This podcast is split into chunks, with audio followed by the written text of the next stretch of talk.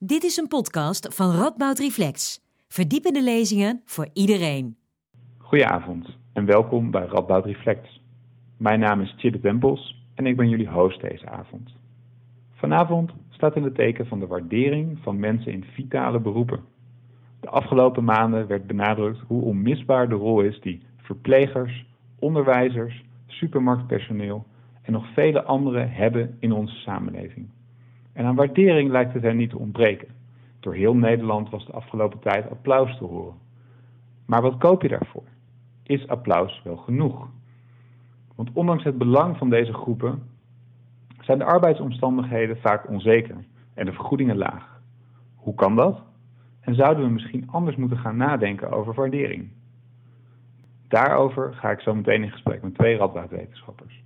Echter, voordat we dat gesprek aangaan, luisteren we eerst naar onze huiscolumnist Peter van der Heijden. Zou het toeval zijn dat ik in eerste instantie virale beroepen typte in plaats van vitale? Nou, ik denk het niet. Want als dat virus één ding heeft duidelijk gemaakt, dan is het wat vitaal is in onze samenleving en vooral ook wat niet. Gelukkig bleek ik ook vitaal te wezen. Nu hoor ik u denken, sinds wanneer is columnist een vitaal beroep? Maar het gaat dan ook niet over dit baantje. In mijn waaier aan werkzaamheden bleek ik maar liefst anderhalve dag, een magisch getal de laatste tijd, anderhalf, maar bleek ik dus maar liefst anderhalve dag in de week vitaal te wezen. Een klein contractje als docent en een journalistieke betrekking buiten de universiteit bleken aan alle kenmerken van een vitaal beroep te voldoen, zodat ik, mocht ik kinderen in die leeftijd hebben gehad, ze met een gerust hart anderhalve dag naar school of opvang had kunnen brengen. Waarom is mij volstrekt duister? De samenleving wordt er niet minder van als mijn colleges Amerikanistiek, hoe leuk en interessant ook natuurlijk, niet doorgaan. En mijn talkshow is reuze amusant en relevant, maar niet per se essentieel voor het voortbestaan van mensheid en maatschappij. Nee, dat bleken hele andere beroepen te zijn, waarvoor dan ook hartelijk geapplaudiseerd werd. Twee keer zelfs, meen ik. Hartjes werden er voor hen opgehangen. Kanjers waren het. Vaatje Hollandse Nieuwe kregen ze. En 1000 euro. Omgerekend maar liefst een tientje per coronadag. Vitaal was iedereen in de gezondheidszorg natuurlijk, met artsen, verplegenden en verzorgenden voorop. Het basisonderwijs en de kinderopvang. Al was het maar om de kinderen op te vangen van andere vitale beroepsgroepen. Schoonmakers, vakkenvullers in de supermarkten en de jongelui die de karretjes maandenlang desinfecteren zodat niet-vitale burgers veel te veel toiletpapier konden inslaan. Die mensen dus die risico liepen op besmetting, zodat de rest fijn thuis kon blijven zitten zoomen. Maar ik was dus ook anderhalve dag vitaal. De rest van de week was ik dan, ja, hoe heet het tegenovergestelde van vitaal eigenlijk? Het antoniemenboek geeft uitgeblust als enige mogelijkheid. Maar dat lijkt me, hoe accuraat de omschrijving ook kan zijn voor iemand die mij op mijn werk bezig ziet, niet het juiste woord. Misbaar zal het wezen, of als ik het wat positiever zou willen zeggen, onbelangrijk. Onbelangrijk. Dat moet hetzelfde gevoel zijn dat die mensen, met uitzondering van de artsen dan, die mensen in de echt vitale beroepen hebben, als ze maandelijks op hun loonstrookje kijken en de schetsvertoning in de Tweede Kamer hebben meegekregen, waar tot drie keer toe een betere beloning voor de zorg werd weggestemd. Als ik zie hoe er met hen wordt omgegaan, dan ben ik dolblij dat ik maar anderhalve dag vitaal ben. Dat is stukken beter voor mijn portemonnee. Nou, Peter heeft de toon gezet voor vanavond. Ehm, ik eh, zal mijn gasten even aan jullie introduceren. Eh, mijn gasten zijn Agnes Akkerman en Matthijs van der Zanden. Agnes Akkerman is eh, arbeidssocioloog en hoogleraar arbeidsbetrekkingen en expert op het gebied van arbeidsverhoudingen en arbeidsconflicten aan de Radboud Universiteit. Naast haar zit Matthijs van der Zanden. Matthijs van der Zanden is politiek filosoof en doet onderzoek naar politiek activisme en radicale democratie. Nou, welkom allebei. Ehm, we gaan zo meteen in gesprek, uh, vrij algemeen, over uh, um, wat er allemaal samenhangt met vitale beroepen, waardering en erkenning en beloning. Um, ik heb wel wat vragen bedacht, maar u thuis kan ook meedoen. En dat kan via Mentimeter. U ziet zo meteen onder in beeld een inlogcode voor Mentimeter. Die kunt u invullen. En dan kan u vragen insturen. En die vragen die komen dan bij mij binnen. En dan ga ik mijn best doen om uw vragen ook aan uh, mijn sprekers te stellen. Als je nou specifiek een vraag hebt aan een specifieke spreker, vermeld het dan even bij, dan uh, nemen we dat mee. Dus ik ben heel benieuwd wat er, uh, wat er binnen gaat komen. Maar we, dan kunnen we nu echt van start. Dus ja, Hey, er is een hoop, discussie in de samenleving over die vitale beroepen. De overheid komt met een lijstje. Dit zijn de meest vitale beroepen in deze crisis. En we zagen inderdaad applaus voor de, de zorgmedewerkers. En ik uh, reed in de auto hier naartoe uh, vandaag. Toen hoorde ik op de radio van er komt ook een bonus nu van 1000 euro. Um, nou, dat klinkt eigenlijk heel erg mooi.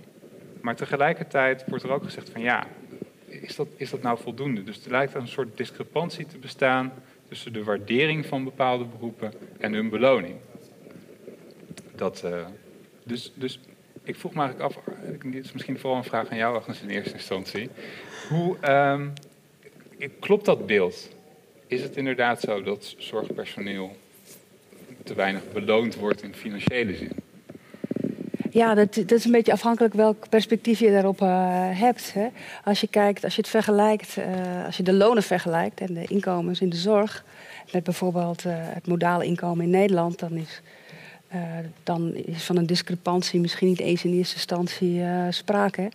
Een MBO-V afgestudeerde na een aantal jaren verdient een modaal inkomen.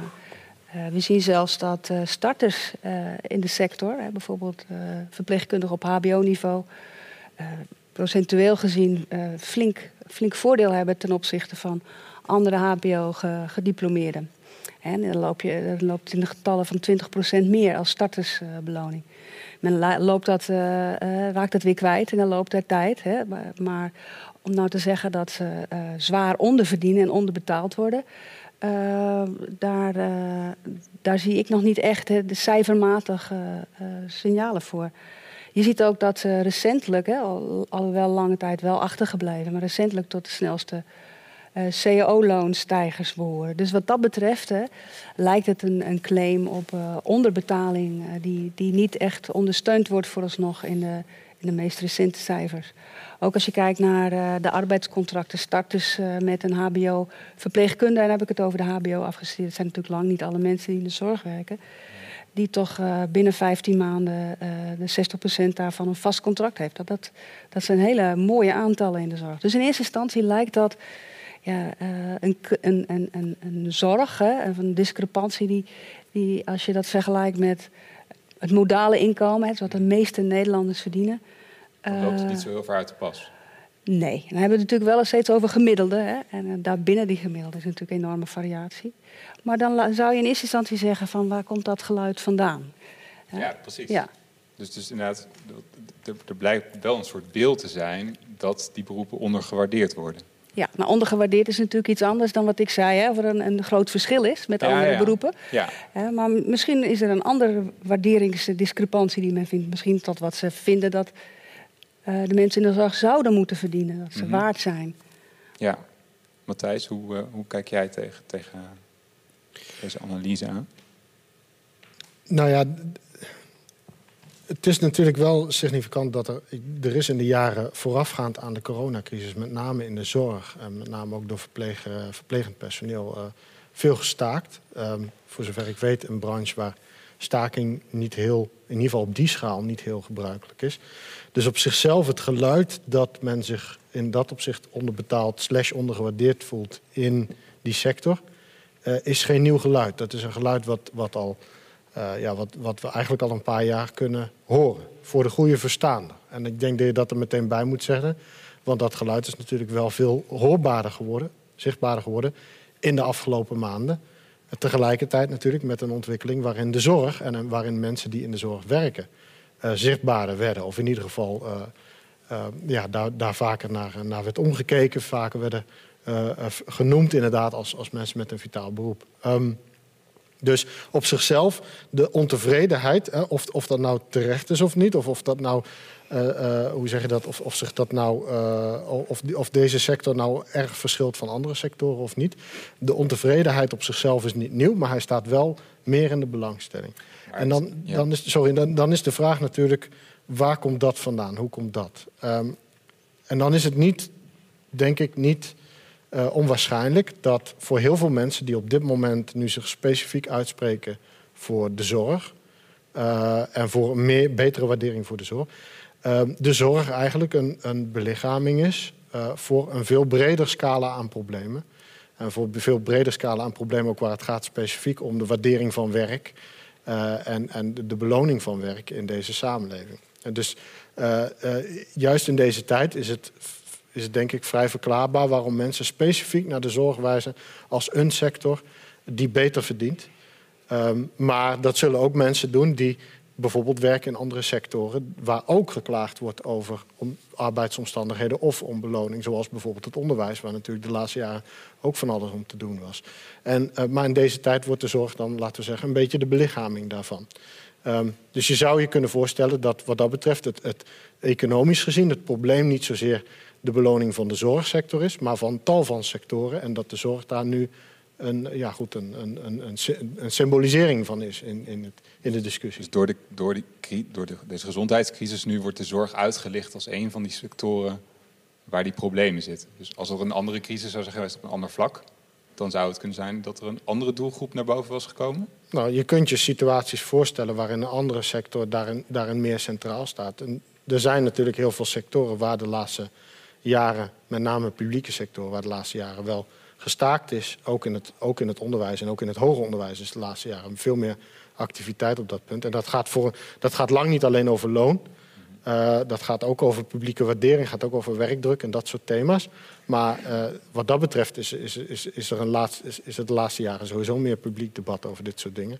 Maar op dit moment dient zich het probleem van de zorg natuurlijk heel nadrukkelijk aan. Want we worden dagelijks geconfronteerd met één groep die heel noodzakelijk, zelfs levensreddend werk vervult. Terwijl een ander groot deel van ons op, ja, de afgelopen maanden thuis heeft moeten zitten. Ja. Achter, herken je in, die, in het beeld wat Matthijs schetst, dat, dat de, de zorg in zekere zin een breder maatschappelijk probleem dat ook voor andere sectoren geldt, symboliseert? Nou, ik zie wel, uh, ik zie wel een ander uh, een andere, uh, probleem wat, wat, zorg met andere sectoren, onderwijs noem je dat deels. Dat namelijk dat we tekorten hebben op de arbeidsmarkt aan, aan mensen die het werk willen doen. Wat een heel duidelijk signaal is dat het werk op een of andere manier niet aantrekkelijk is. En dat kan samenhangen met beloning.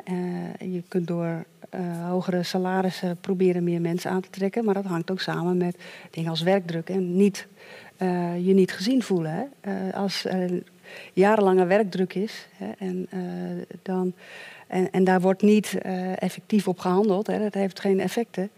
Uh, dan, dan, ontstaat er een gevoel van, uh, van uh, miskenning. Dat, dat, dat, ik denk dat ik dat wel, dat ook wel deel met Matthijs. En dat is niet alleen in de zorg zo. Dat is ook zeker in het onderwijs een hele belangrijke sector waar we ditzelfde zien. Ja. Dat hebben we ook gezien. En nu, nu is dus en het tekort in de zorg, waardoor we niet snel konden opschalen.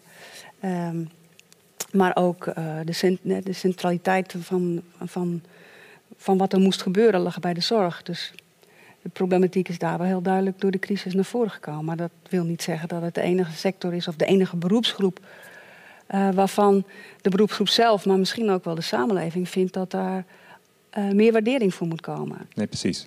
Ik denk dat het goed is om dat straks even uit te zoomen en te kijken naar het, naar het bredere maatschappelijke uh, kader.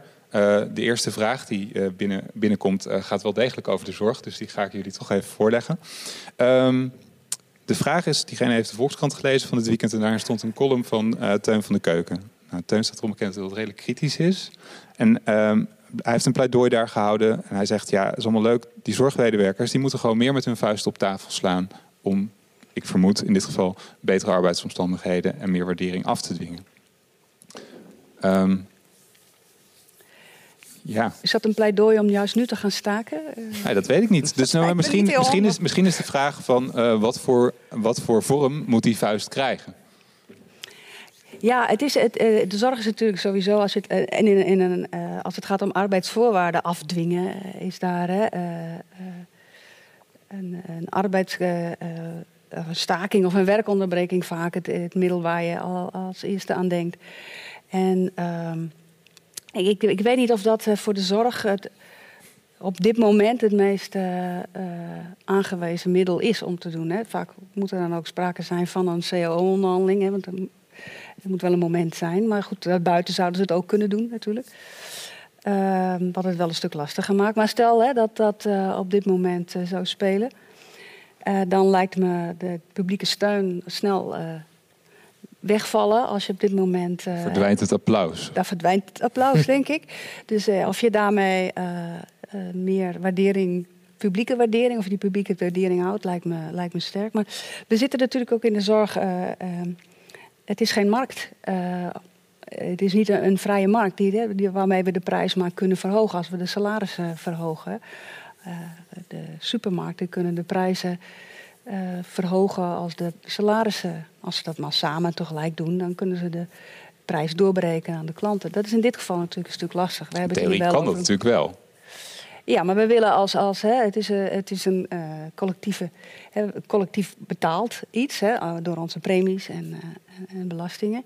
Die willen we natuurlijk ook zo laag mogelijk houden. En je wilt de zorg ook toegankelijk houden. Dus je zit ook met een zeker ja, plafond van wat we acceptabel vinden in de zorg. Dus het is de vraag of, of hier, net als bij een fabriek of bij, bij, bij de supermarkten, de werknemers kunnen gaan staken en dat de werkgever in dat geval uh, ook heel veel meteen kan toegeven daarop. Hè. Er zal toch eerst een begroting moeten worden aangepast. Dus het lijkt mij veel handiger om het niet uh, in de onderhandelingen uh, tussen werkgevers en werknemers te laten gebeuren. Maar er komen verkiezingen aan. ik zou dat via politieke weg spelen. Okay. Want dat is degene ook die op een gegeven moment de keuzes maakt over waar we ons geld aan besteden. Oké, okay. dat lijkt me dan bij uitstek een vraag ook voor Matthijs. Ehm, via de politieke weg of toch gewoon staken, Matthijs? Nou ja, nogmaals, ik bedoel, ik denk dat het belangrijk is om te benadrukken. Dus er zijn, er zijn niet uh, geringe stakingen geweest, in ieder geval voor deze sector, niet lang voor de coronacrisis. En die zijn, denk ik, heel sterk uh, onopgemerkt gebleven. Uh, wellicht zou dat nu anders zijn, hè, nu we in deze coronacrisis zitten. Um, ik denk dat, ik denk dat en, en, daarom denk ik dat er is, er is een zeker politiek belang, laat het zo zeggen, voor, uh, voor tal van sectoren, waaronder ook de zorg, om juist een breder politiek perspectief hierin in te nemen en juist een, en daar een, sectoroverstijgend perspectief in te nemen. Um, uh, ik denk dat het in het belang is van iedereen in Nederland dat uh, zorg um, um, goed betaald en bemenst is. Uh, ik denk dat op dit moment iedereen dat belang daarvan, daarvan onderschrijft. Ik denk ook dat heel veel mensen die in met name publieke sectoren werken, die iets te klagen hebben, en daar vallen uh, uh, academici wellicht ook onder, die hebben ook veel gestaakt de afgelopen jaar, of actie gevoerd de afgelopen jaar, dat die er ook belang bij hebben dat er anders wordt gekeken naar de waardering en beloning van publieke beroepen in het algemeen. Um, dus wat dat betreft denk ik dat er veel meer te winnen valt bij een vuist maken inderdaad, maar niet een vuist maken slechts in de zorgsector. Uh, uh, maar in, in, in, in, een tal van sectoren samen. Dat is uiteindelijk natuurlijk eerder een politiek proces wellicht dan een... Ja goed, uh, de, de, er is natuurlijk iets, iets, iets, iets moeilijks, lastigs aan staken voor de zorgsector. Dat is vaak zo, dat, zeggen ze, dat zeiden ze zelf ook tijdens die laatste stakingen. Vorig jaar werd dat ook vaak aangedragen. Het is heel lastig in deze sector om te staken. Het is ook nu lastig in deze periode uiteraard om te staken. Het zou natuurlijk wel kunnen betekenen dat je er heel snel effectief in kunt zijn. Want je bent, uh, ja goed, je hebt wel wat, je hebt wel wat, uh, wat druk te zetten natuurlijk. Maar, uh, maar ik zou zeggen, het belang uiteindelijk aan dit soort dingen is, is, is sectoroverstijgend te zijn. Ik ga heel moeilijk kijken, August, maar... Ik denk dat, ja, als er een moment is waarop een staking effectief zou kunnen zijn, is het nu. Ja, ja.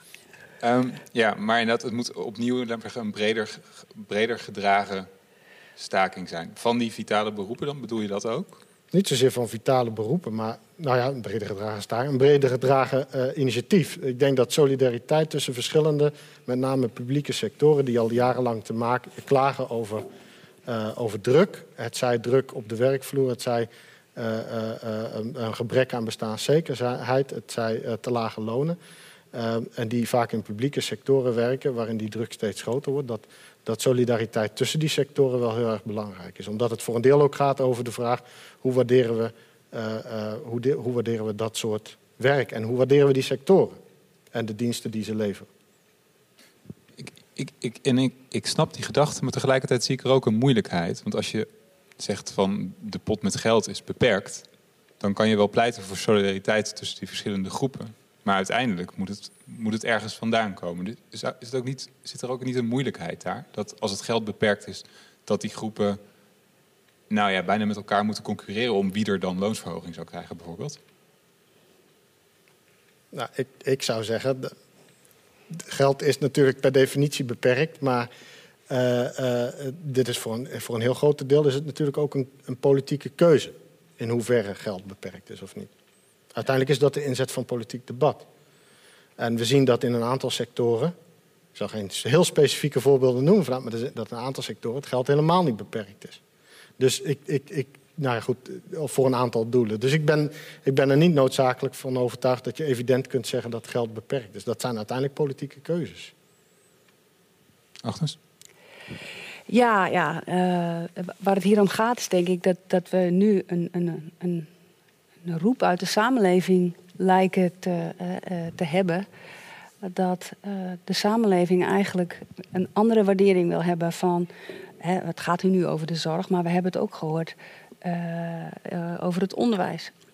En wat, wat daarin belangrijk is, is niet zozeer of het nou specifiek om de zorg gaat, maar meer misschien gaat het wel gaat de vraag wel, wel dieper en gaat de vraag over uh, waar, waar hangen we waardering aan op, financiële waardering. Hè? Uh, het is nu vaak zo dat uh, de vraag en aanbod, hè, dus de schaarste van een, van een beroep of een bepaald soort werk belangrijk is. Hè? Ja, hoe groter, dat, dat is precies een van de vragen die ook binnenkomt. Ja. Iemand die zegt van ja, um, waarom zouden die zorgmedewerkers überhaupt meer moeten verdienen? Het is toch een kwestie van vraag en aanbod? Ja, of is het geen kwestie van vraag en aanbod? Ja, maar dan we hebben nu wel al langere tijd. Dat is, dus dat marktmechanisme, dat werkt voor een uh, deel ook wel in een publieke sector, hè, uh, zekere zin. Maar we zien hier in de, korte, ook in de zorg ook het tekorten. We hebben een langere tijd te maken met tekorten. Dus dat marktmechanisme voor zorgpersoneel, dat blijkt niet, in ieder geval niet heel snel te werken. Hè. Dus we zien dus dat daar een, dat dat toch wel een op zijn minste vertraging is al niet uh, gewoon uh, iets wat niet helemaal werkt. Uh, een, dus dat kan niet de enige verklaring zijn. Wat, wat ook vreemd is, zeker bij de zorg, is dat een andere verklaring hoe werk gewaardeerd wordt. Hè, namelijk dat je de onaangenaamheid van het werk zou de waardering moeten laten toenemen. Hè. Het is, is werk wat, wat, wat gevaarlijk is bijvoorbeeld. Nou, we hebben het werken met besmettelijke, of mensen met een besmettelijke ziekte is gevaarlijk. Um, dat er de waardering uh, uh, hoger zou moeten zijn. Hè, om, om toch mensen aan te trekken in dat soort beroepen. Um, en wat we ook zien, wat een belangrijke factor is, is de productiviteit. Wat levert, wat levert iemand, een werknemer, zijn werkgever op? En dat is een vraag waarvan ik denk dat is een heel interessant iets. Hè, om daar even te denken van, zo hebben we het tot dusver gedaan. Maar zeker in de zorg en zorg en het onderwijs gaat het natuurlijk meer om, wat, je, wat je waard bent, wat je oplevert dan voor je werkgever. Maar dan gaat het over wat je waard bent voor de samenleving. En is het dan niet zo dat beroepen waar de samenleving, eh, of sectoren, of maar beroepen waar de samenleving veel waarde aan hecht en heel erg belangrijk vindt, dat we daar uh, de waardering van zouden, uh, door zouden moeten laten bepalen? Dan is het de vraag: heeft de samenleving er ook meer voor over om deze beroepen uh, beter te betalen. Maar om terug te komen op die vraag, ja, dat, dat, zou je verwachten. En op de lange termijn zal dat waarschijnlijk hè, ook wel iets recht trekken. Maar juist dat marktmechanisme werkt doordat je de prijs verhoogt. Hè, dus de salarissen verhoogt. En als die niet uh, substantieel verhoogd worden, zal het niet veel meer mensen aantrekken. En dat is natuurlijk de vraag of in de zorg het salaris het belangrijkste probleem is. Hè? Ja, We zien vooral veel uitstroom. Um, en dat is natuurlijk uh, de vraag of dat alleen het salaris is of dat er ook andere dingen een rol spelen. Werkdruk is een heel veel gehoorde uh, klacht van medewerkers in de zorg, waardoor ze eigenlijk niet meer het werk waar ze voor hebben gekozen goed kunnen doen. Ja. Zou, zijn dat ook factoren, dus inderdaad die andere factoren naast de salariering? Dat is een van de vragen namelijk. Mm -hmm. van die mede dat uh, personeelstekort in de zorg verklaren, denk je? Uh, ja, er is uh, onlangs een rapport, een adviesrapport van de commissie Ter, Doekli Terpstra over werk in de zorg. En die geeft eigenlijk aan, dat het salaris komt er eigenlijk niet aan bod. Hè, maar dat de grote problemen in de zorg vooral te maken hebben met werk- en regeldruk. Uh, en ook het, uh, het, gebrek aan begeleiding van mensen die, die, de sector binnenkomen. Hè, uh, omdat er domweg geen tijd is om deze mensen goed te begeleiden. En zo zie je dat je eigenlijk niet weet waar je moet beginnen om het probleem op te lossen. -hmm. Ja. Ik, ik ik vroeg me af, ehm, dus ja, om, een link, om een, even de link terug te maken naar, naar het bredere discours, zeg maar. Ehm, je kan het hebben over die, over die, die financiële middelen, maar zeggen. Ehm, nou, dat kan je zeggen, oké, okay, salarisverhoging zou een rechtvaardige beloning van werk zijn. maar zou die beloning ook anders, zou die ook een andere vorm kunnen krijgen? Is er iets, laat maar zeggen, wat die verschillende groepen bindt, waar ze misschien allemaal behoefte aan zouden hebben? Ik weet niet. Nou ja, wat, wat, wat, mensen wegdrijft is de, is de grote druk, waardoor ze eigenlijk het werk waarvoor ze kiezen hmm. niet kunnen doen. Dus het is ook een waardering als je ervoor zorgt dat mensen hun werk goed kunnen doen. Uh, en carrièrekansen spelen daar misschien ook een rol in. Uh, dus in die zin, en dan, heb ik, dan kom je al gauw weer op de salariering, maar uh, los daarvan is het belangrijk dat je een goede werkgever kunt zijn. Ik zeg hmm. niet dat, dat, dat die er niet zijn, dat ze het in de zorg niet zijn, maar die moeten wel de mogelijkheden hebben om, om mensen ook die ruimte te geven dat ze hun werk goed kunnen doen. Uh, het is een heel nare situatie, hè, los van je salaris, dat je het werk wat je graag wil doen en wat je moet doen, dat je dat niet goed kunt uitvoeren. Mhm. En dus het zou al een waardering zijn als die werkdruk zou afnemen. Dat mensen echt hun zorg uh, de zorg kunnen leveren waar ze voor opgeleid zijn en die ze graag willen doen. Dat zou ik denk ik een van de belangrijkste uh, voorwaarden zijn waardoor er, uh, waardoor er echt sprake kan zijn van, van, van, waardering van de mensen in de zorg. Ja, ja. Dus dan zit je, ja, nee, dat snap ik inderdaad.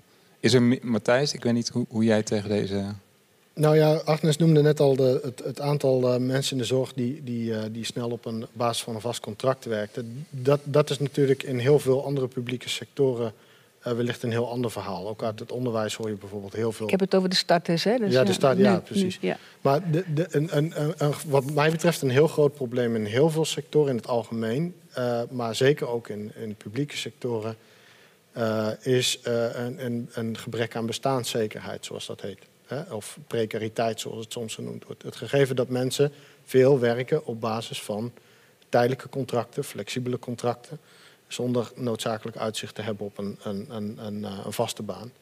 Dat zijn uh, vaak op, verschillende plekken tegelijkertijd moeten werken of, of hele lange tijd uh, verschillende banen naar elkaar moeten doen. Um, dat heeft praktische consequenties natuurlijk. Dat heeft consequenties voor het welzijn van mensen, voor het, het uh, ja, je zou kunnen zeggen voor het veiligheidsgevoel dat mensen hebben op langere termijn. Um, maar het heeft ook consequenties voor de mate waarin mensen zich gewaardeerd voelen voor hun werk. Um, dus dit is zeker niet zorgspecifiek, maar meer in het algemeen denk ik wel dat als je het hebt over, um, uh, over, over de, de, manier waarop werk zowel beloond als gewaardeerd wordt, dan, dan is loon uiteraard heel belangrijk. Maar een andere belangrijke factor lijkt me is de mate waarin mensen uh, het gevoel hebben dat hun werkomgeving in ze investeert en ze daarin vertrouwt en ze ook perspectief biedt op, uh, op een toekomst. Want let wel, voor mensen die geen vast contract hebben, worden andere dingen ook soms weer veel moeilijker. Probeer maar eens een huis te kopen zonder uh, vast contract bijvoorbeeld. dus, ja, dat is behoorlijk lastig inderdaad. Nou ja, dat, veel, veel, veel, veel jongeren hebben, hebben die ervaring inmiddels dat dat inderdaad... Dus ik denk dat, dat, dat, daar, dat, dat daar een, een andere factor is die je uh, maar nogmaals, dit, dit, beperkt zich helemaal niet tot een sector, niet eens tot publieke sectoren, kom je het steeds meer overal tegen. Uh, maar als het gaat om de waardering van werk, is dat denk ik is, is bestaanszekerheid een heel belangrijke factor. En iets wat ook steeds meer onder druk komt te staan. Ja, um, als dat meer onder druk komt te staan, ik ga even naar een vraag die is ingestuurd. Um, een van de vragen is, ik denk dat jullie hier allebei wel iets mee zouden kunnen. Nederlandse vakbonden klagen dat hun leden maar moeilijk uh, mensen kunnen uh, activeren uh, als het gaat om assertiviteit van de leden. Um, zouden ze niet een meer onderwijzende rol moeten hebben in het creëren van klassenbewustzijn bij, bij de leden? Dus Ten einde. Ja, dat, is, dat wordt natuurlijk niet gevraagd. Maar ik kan me voorstellen dat het gaat om bijvoorbeeld het creëren van meer bestaanszekerheid. Uh, en als je daar inderdaad een bredere beweging voor nodig hebt, zoals Matthijs in het begin schetste. Ja, inderdaad, wie, wie, wie uh, uh, activeert of onderwijst het precariaat, is misschien dan de vraag. Ja, of, of, dat, of de vakbonden dat niet genoeg doen, dat, dat weet ik eigenlijk niet. of ze daarvoor eh, voldoende mensen op de been krijgen, dat is natuurlijk een andere vraag. En of ze dat beter zouden moeten proberen, eh, ja, eh, wellicht zou dat hè, eh, een verandering kunnen, eh, kunnen bewerkstelligen. Maar we hebben natuurlijk ook politieke partijen hierin. in. het is niet alleen een taak van de vakbonden dan. Hè. De mensen verenigen zich en organiseren zich op hun belangen op verschillende manieren. Nee, tuurlijk, maar als ik, de, als ik de vraag zo lees, kan ik me inderdaad voorstellen dat, dat voordat jij als, als, als, als eh, gewone, gewone burger of als, als, eh, eh, werkende eh, vrouw of man ehm, bij een politieke partij aanklopt of een volksvertegenwoordiger aan zijn hem trekt, dat het wel fijn is als er iemand is die je laat zien waar de welke kanalen je dan of welke paden je dan moet bewandelen. Ja. Ja, misschien is dat, ja, dat zou kunnen dat een, een- een, dat een, eh, dat een vakbond eh, daarin een soort medierende of onderwijzende rol kan spelen. Voor zover ze dat al niet doen hoor. Dat zou ook heel goed kunnen. Ja. Ik, ik geloof namelijk wel dat ze, dat, dat ze het doen. Dat het Maar dat mensen niet zo snel direct de vakbond daar een rol zien hebben. Dat geloof ik eerder. Ik denk waar je, waar je dan vanaf moet, is het idee van een vakbond als, als een ANWB. Dat wordt wel eens gekscherend gezegd. Eh, ook door vakbondsleden overigens heb ik dat vaak horen zeggen. Van, eh, eh, jaren terug, de vakbond is een soort ANWB geworden waar je naartoe gaat als je hulp nodig hebt. Als je de vakbond ziet als een organisatie die, die, die, die solidariteit creëert tussen leden in een sector, maar ook tussen leden van verschillende sectoren, ehm, dan, dan, dan, dan kan ik me voorstellen dat er een heel belangrijke rol voor vakbonden te spelen is. Ik denk ook wel dat vakbonden in Nederland de laatste jaren, in ieder geval op campagnetechnisch vlak, daar veel innovatiever in zijn eh, geworden. Dus de- op dit moment bijvoorbeeld wordt er eh, een campagne gevoerd voor hoger minimumloon. Eh, dat, is, dat is sectoroverschrijdend en dat is voor zover ik weet ook bewust sectoroverschrijdend. Dus men, men strijdt dan voor een, een minimumloon van 14 euro. Waarbij men nadrukkelijk mensen vanuit verschillende sectoren, eh, maar ook mensen zonder werk, want eh, ook mensen die een uitkering hebben, die hebben daar belang bij, eh, mobiliseren om ja, gezamenlijk voor een hoger minimumloon te strijden. Dus je ziet daar wel voorbeelden van hoe de vakbond anders probeert na te denken in de praktijk over hoe je dat soort solidariteitsverbanden creëert. En een van de uitdagingen is dat dan wel te doen in een tijd waarin werknemers natuurlijk in toenemende mate in los verband met elkaar werken. Het- het- het- wat- De, de, de, de klassieke arbeidsverhouding waar je iedere dag op dezelfde werkvloer met dezelfde collega's werkt, ja, die bestaat als zodanig niet meer. En dat is natuurlijk voor vakbonden wel een, of minder, laat ik zo, bestaat minder. En dat is voor vakbonden wel een, een, een, een, een vormt wel een uitdaging in deze. Maar ik denk wel dat ze op dit soort manieren op zoek zijn naar eh, alternatieven daarop. Ja, je ziet bij het verhoging van een minimumjeugdloon, hè, eh, wat eh, door Young United, maar dat was de FNV, eh, heel succesvol is geweest. Hè. Het minimumjeugdloon nou niet afgeschaft is, maar in ieder geval verhoogd is. Hè. De, de, de, de hoogte ervan, maar ook de leeftijd tot waar het geld verlaagd is. Hè. Dus het nu nog maar dat 21 jaar is. Er is een, bij mij weet, iets minder succesvol kan je geweest voor echte banen. Hè? Dus juist om die flex-contracten eh, te vervangen door vaste contracten, of in ieder geval meer eh, baanzekerheid. Dus we- zien wel degelijk die, eh, die initiatieven daar. Ja, tegelijkertijd, en dit is misschien een beetje een zijspoor, maar tegelijkertijd kan ik me voorstellen, we zien ook steeds meer ZZP'ers en flexwerkers op de markt die misschien zich helemaal niet makkelijk aansluiten bij een, ehm, bij een vakbond. Simpelweg omdat als ZZP'er volgens mij nog geen vakbond is waar je bij kan Jawel, aansluiten. jawel. Ja. Wel? Jawel. Oké. FNV heeft ook een eh, Heeft een ZZP-tak. tak, ja. Oké, nou ja, goed. Dus nee, maar dat, oké, maar misschien dan de- de- desalniettemin, je kan je natuurlijk, ik bedoel, wij werken allemaal aan de Radboud Universiteit, dan kan je relatief makkelijker organiseren in de verschillende, verschillende vakbonden die er zelf zijn. Ehm, g- dus is er niet nog een soort, soort eh, zijn er verschillende gradaties, misschien een vraag aan jou dan, Matthijs, binnen dat precariaat waar je, het over, waar je het over hebt? Dat er sommige groepen zijn die nog wel structureel het moeilijker hebben dan, dan anderen. Ik bedoel, wij zijn misschien nog re- relatief privileged, eh, denk ik, in dat, in dat opzicht. Er zijn natuurlijk tal van gradaties. En Mhm. ehm, eh, sowieso in- maatschappelijk in tal van vormen. Ehm, tegelijkertijd is dat wel is die bestaansonzekerheid. En dat is, dat is wat het politieke potentieel ervan is, zou ik zeggen. Is wel een aspect dat mensen in heel verschillende sectoren met elkaar gemeen hebben. Zelfs als ze uh, op, op heel verschillende manieren betaald worden. Dus het is, het is een interessant gegeven dat uh, schoonmakers en beveiligers te maken hebben met het toenemende bestaansonzekerheid, maar academici ook. Uh, daar zijn natuurlijk inderdaad, zoals je zegt, heel veel verschillen tussen die groepen.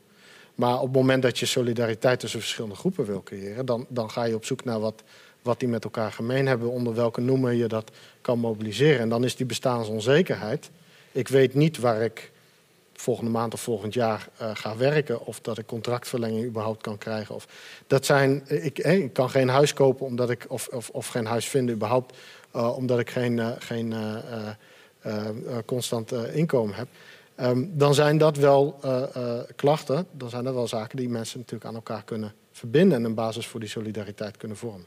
Dat neemt niet weg dat je natuurlijk niet blind moet, worden, moet zijn voor het verschil dat ook tussen die verschillende groepen bestaat.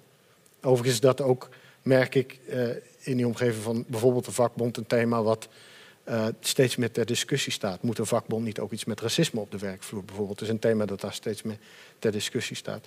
En dat gaat natuurlijk ook over verschillen. Uh, maar ik denk juist dat dat, dat dat verdwijnen van bestaanszekerheid wel een grond voor solidariteit is, die mensen in heel verschillende situaties uh, toch aan elkaar kan verbinden. Ja, nee, dat, dat, dat zie ik ook. Ja, Agnes? Ja, ja. Het is het, de, de vraag die je, die je daarvoor ook nog stelde, die, die blijft natuurlijk wel heel spannend. Hoe, hoe krijg je die solidariteit voor elkaar. Hè. Mensen moeten het wel herkennen als iets wat ze delen. En waar je op de werkvloer, gelukkig zijn er nog heel veel mensen die, nou niet nu, maar normaliter uh, wel elkaar ontmoeten op de werkvloer. En ook wel wat meer duurzame arbeidsrelaties uh, hebben. Uh, daar is het, is het relatief eenvoudig om, simpelweg omdat je elkaar tegenkomt en elkaar situatie kunt herkennen.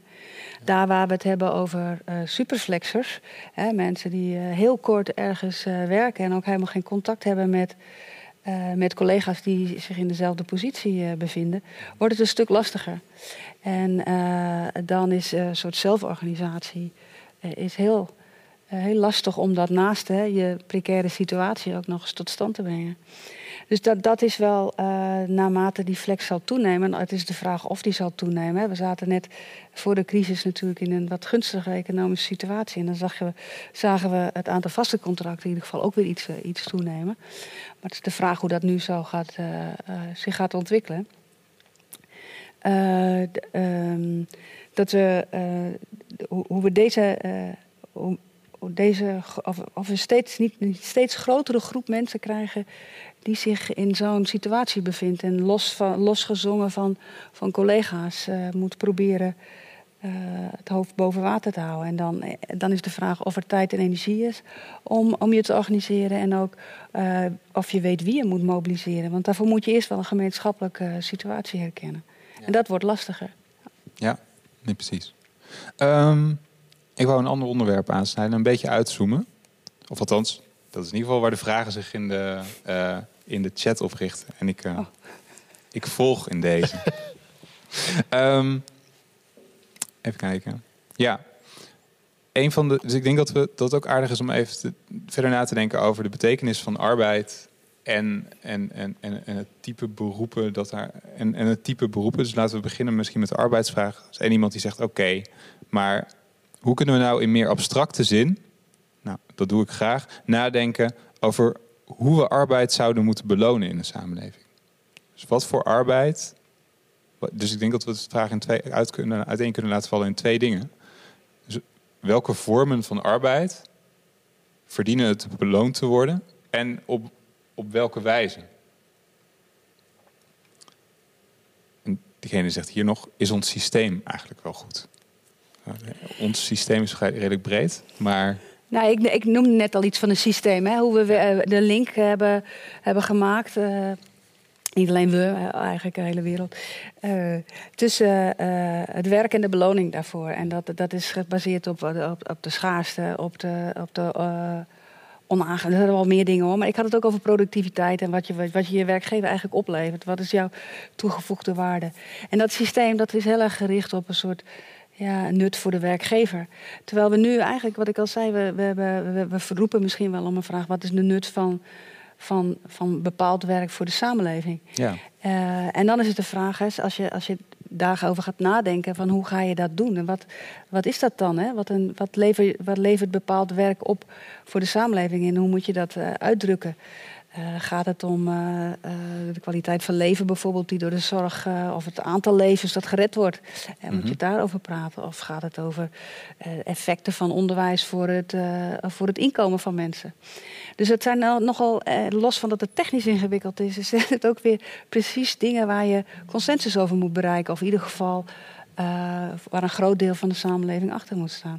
Maar het idee dat je misschien minder zou moeten kijken naar productiviteit van iemand. Hè. Wat, wat, wat doe je nou eigenlijk voor de organisatie? Dan, dan de vraag, wat doe je voor de samenleving? En zouden we daar niet ook uh, waardering aan moeten geven?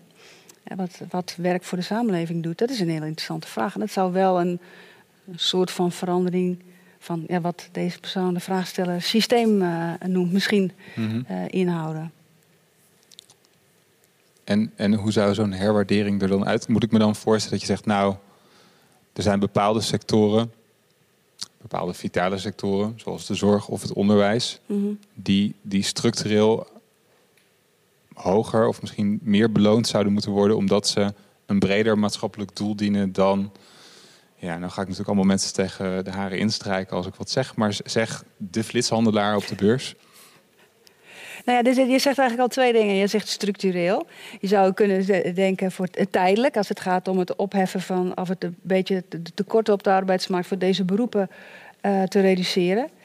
Wat als gevolg zou kunnen hebben dat mensen de werkdruk omlaag gaat. Dus dan zou je toch wel iets van uh, waardering uh, daarin kunnen krijgen. Dat je dat tijdelijk, een soort tijdelijke uh, oplossing bedenkt. Het hoeft niet structureel te zijn.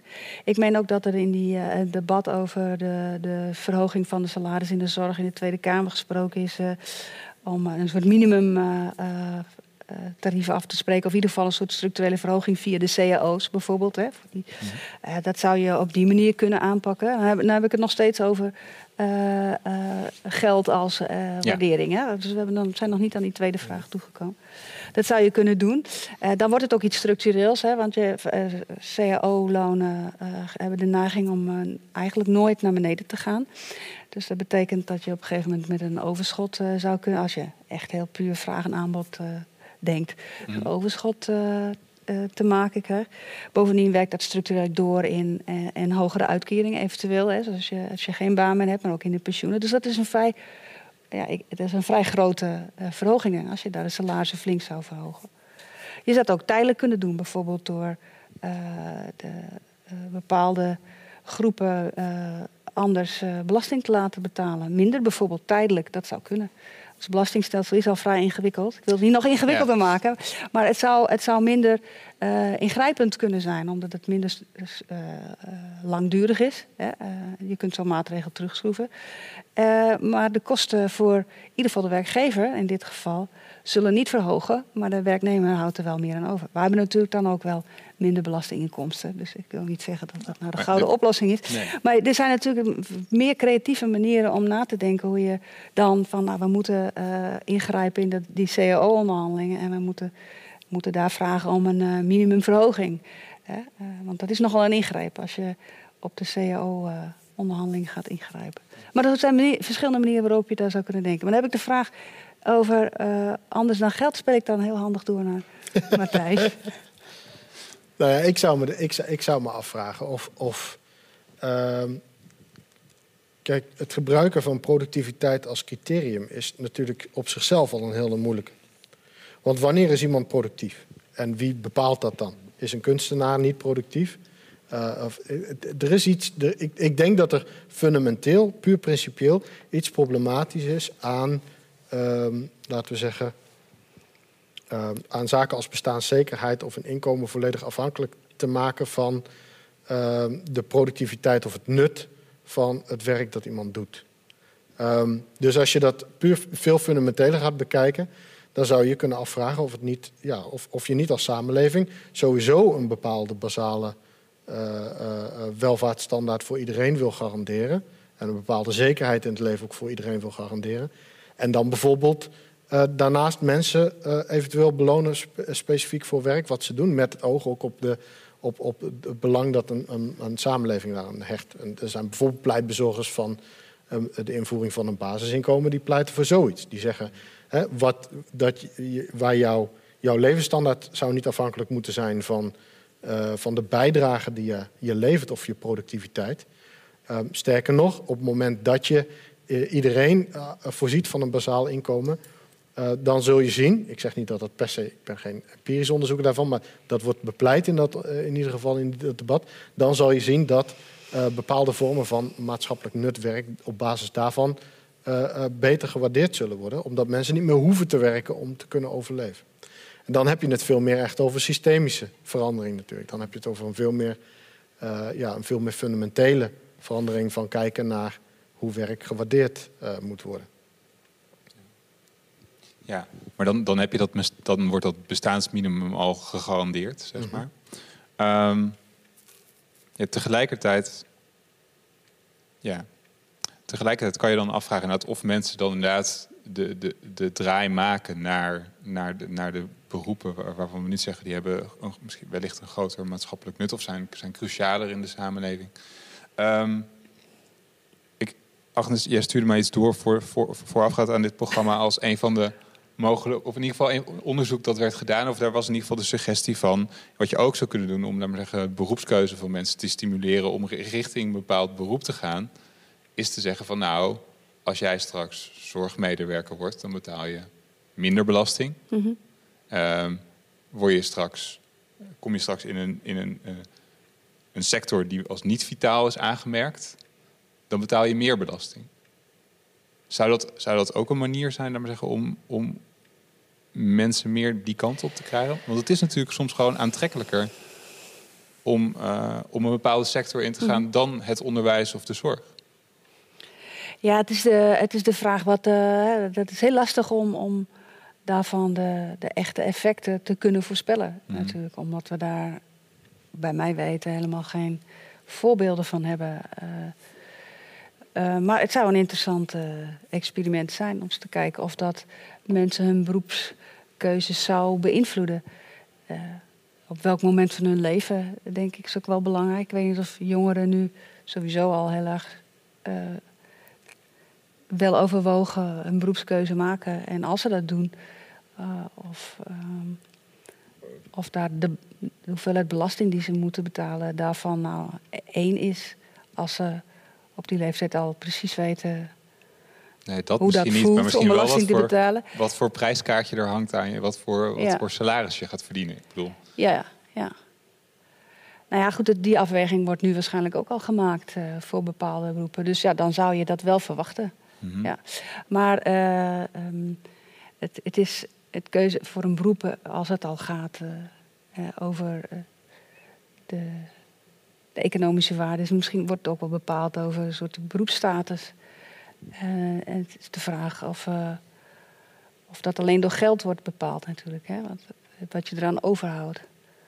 Dus dat, ik, ik, ik heb eigenlijk geen idee of dat zou werken. Het is een interessante eh, gedachte om daarmee het aanbod wat meer te sturen. Het is, het is natuurlijk ook de vraag, als je ze nu belooft dat ze minder belasting hoeven te betalen, of je dat ook weer kunt terugdraaien zodra, je er, eh, zodra er een overschot is aan mensen eh, die opgeleid zijn voor dat beroep. Eh, het is natuurlijk de vraag of je dat nog kunt aanpassen als mensen hun beroepskeuze daarop gebaseerd hebben.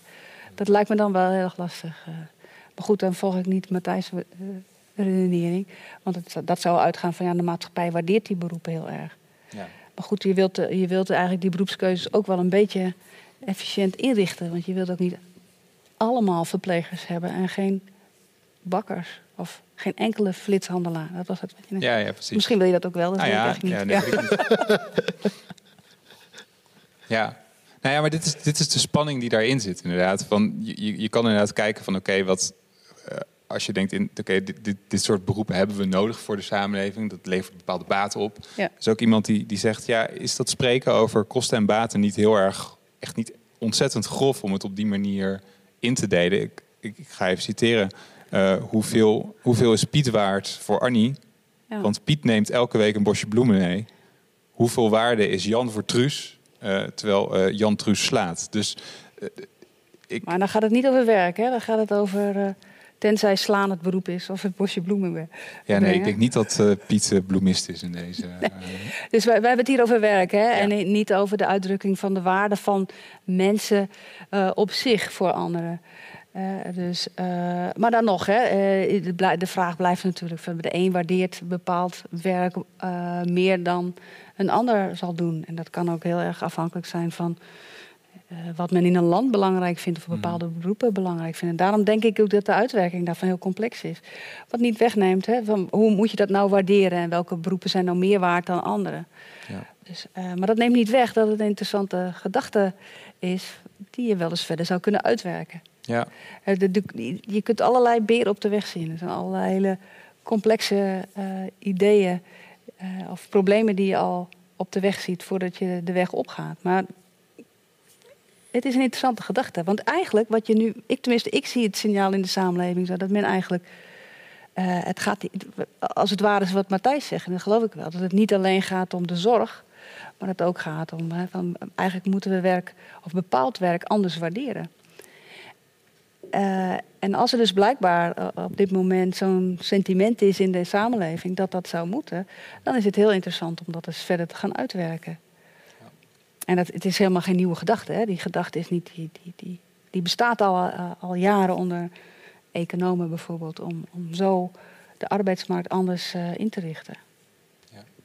Wat tegelijkertijd dus bepaald werk dat gewaardeerd moet worden. Dat zijn we hebben het heel vaak over, over, over bepaalde beroepen die al zichtbaar zijn. Mhm. zeg maar. Tegelijkertijd is het natuurlijk ook arbeid die wel degelijk verricht wordt, maar die nog niet een, een bepaald label, eh, ik noem het maar even een label heeft. Of die, die direct zichtbaar is en erkend wordt als een beroep of, of ehm, professie.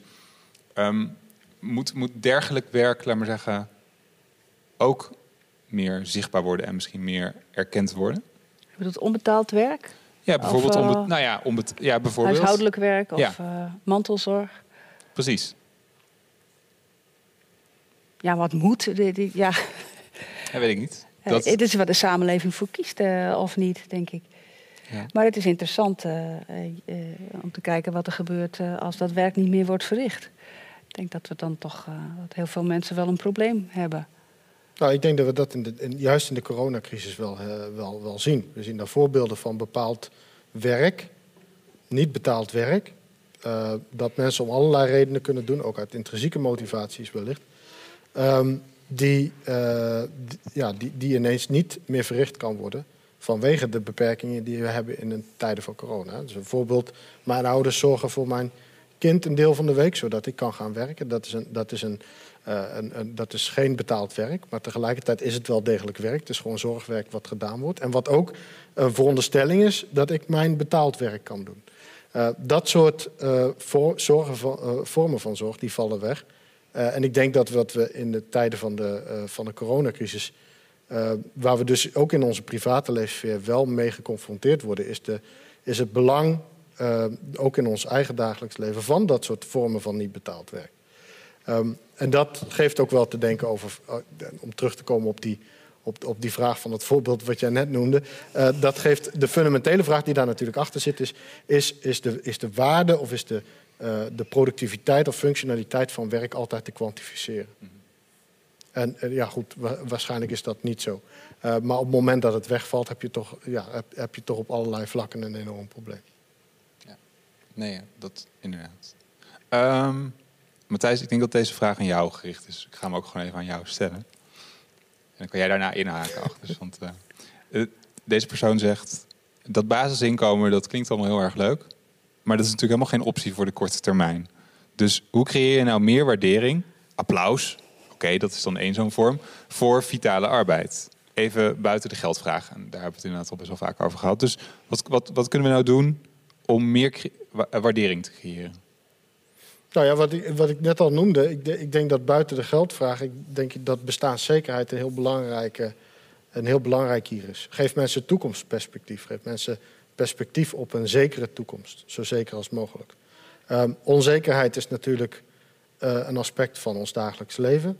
Eh, dat geldt voor iedereen zo. Iedereen, dat merken we nu natuurlijk ook. Iedereen kan ziek worden en, en, en erger. maar dus, dus wat dat betreft is onzekerheid of die precariteit, zoals men dat noemt, een, een, een, aspect van, van, ons, van ons dagelijks leven en onvermijdelijk. Maar hij is, die onzekerheid is wel op een bepaalde manier maatschappelijk gedistribueerd. En je ziet dat mensen in sommige sectoren, mensen die bepaald werk verrichten. En, ook, hangt natuurlijk ook samen met hoeveel geld je verdient. Een, grotere mate van onzekerheid hebben in een leven dan anderen.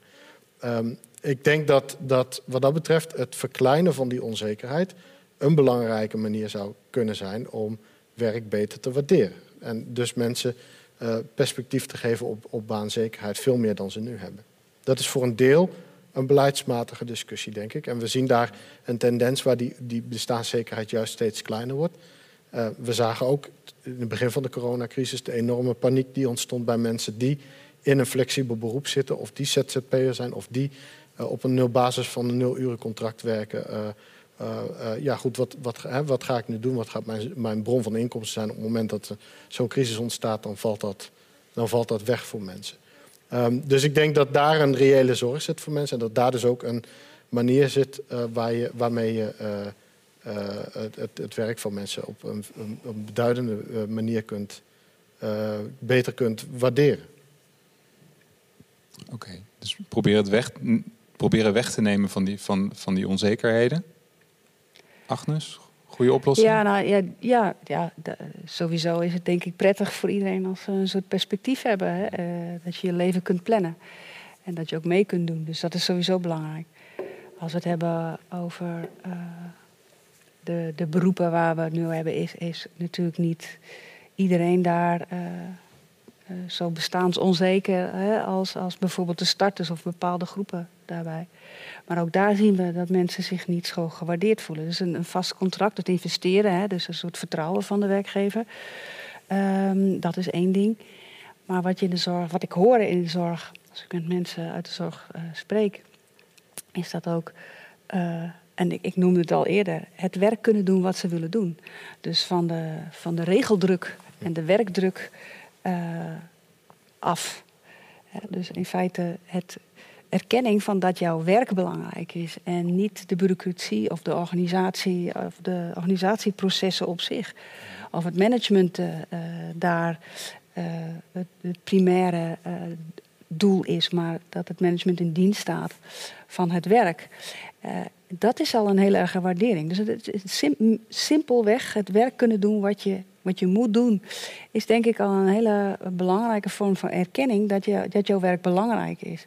He, is los van de financiële prikkel en los van uh, uh, die, die, uh, het vaste contract, hè, of een meer zeker, een langduriger contract of minder onzekerheden, zeker heel erg belangrijk is.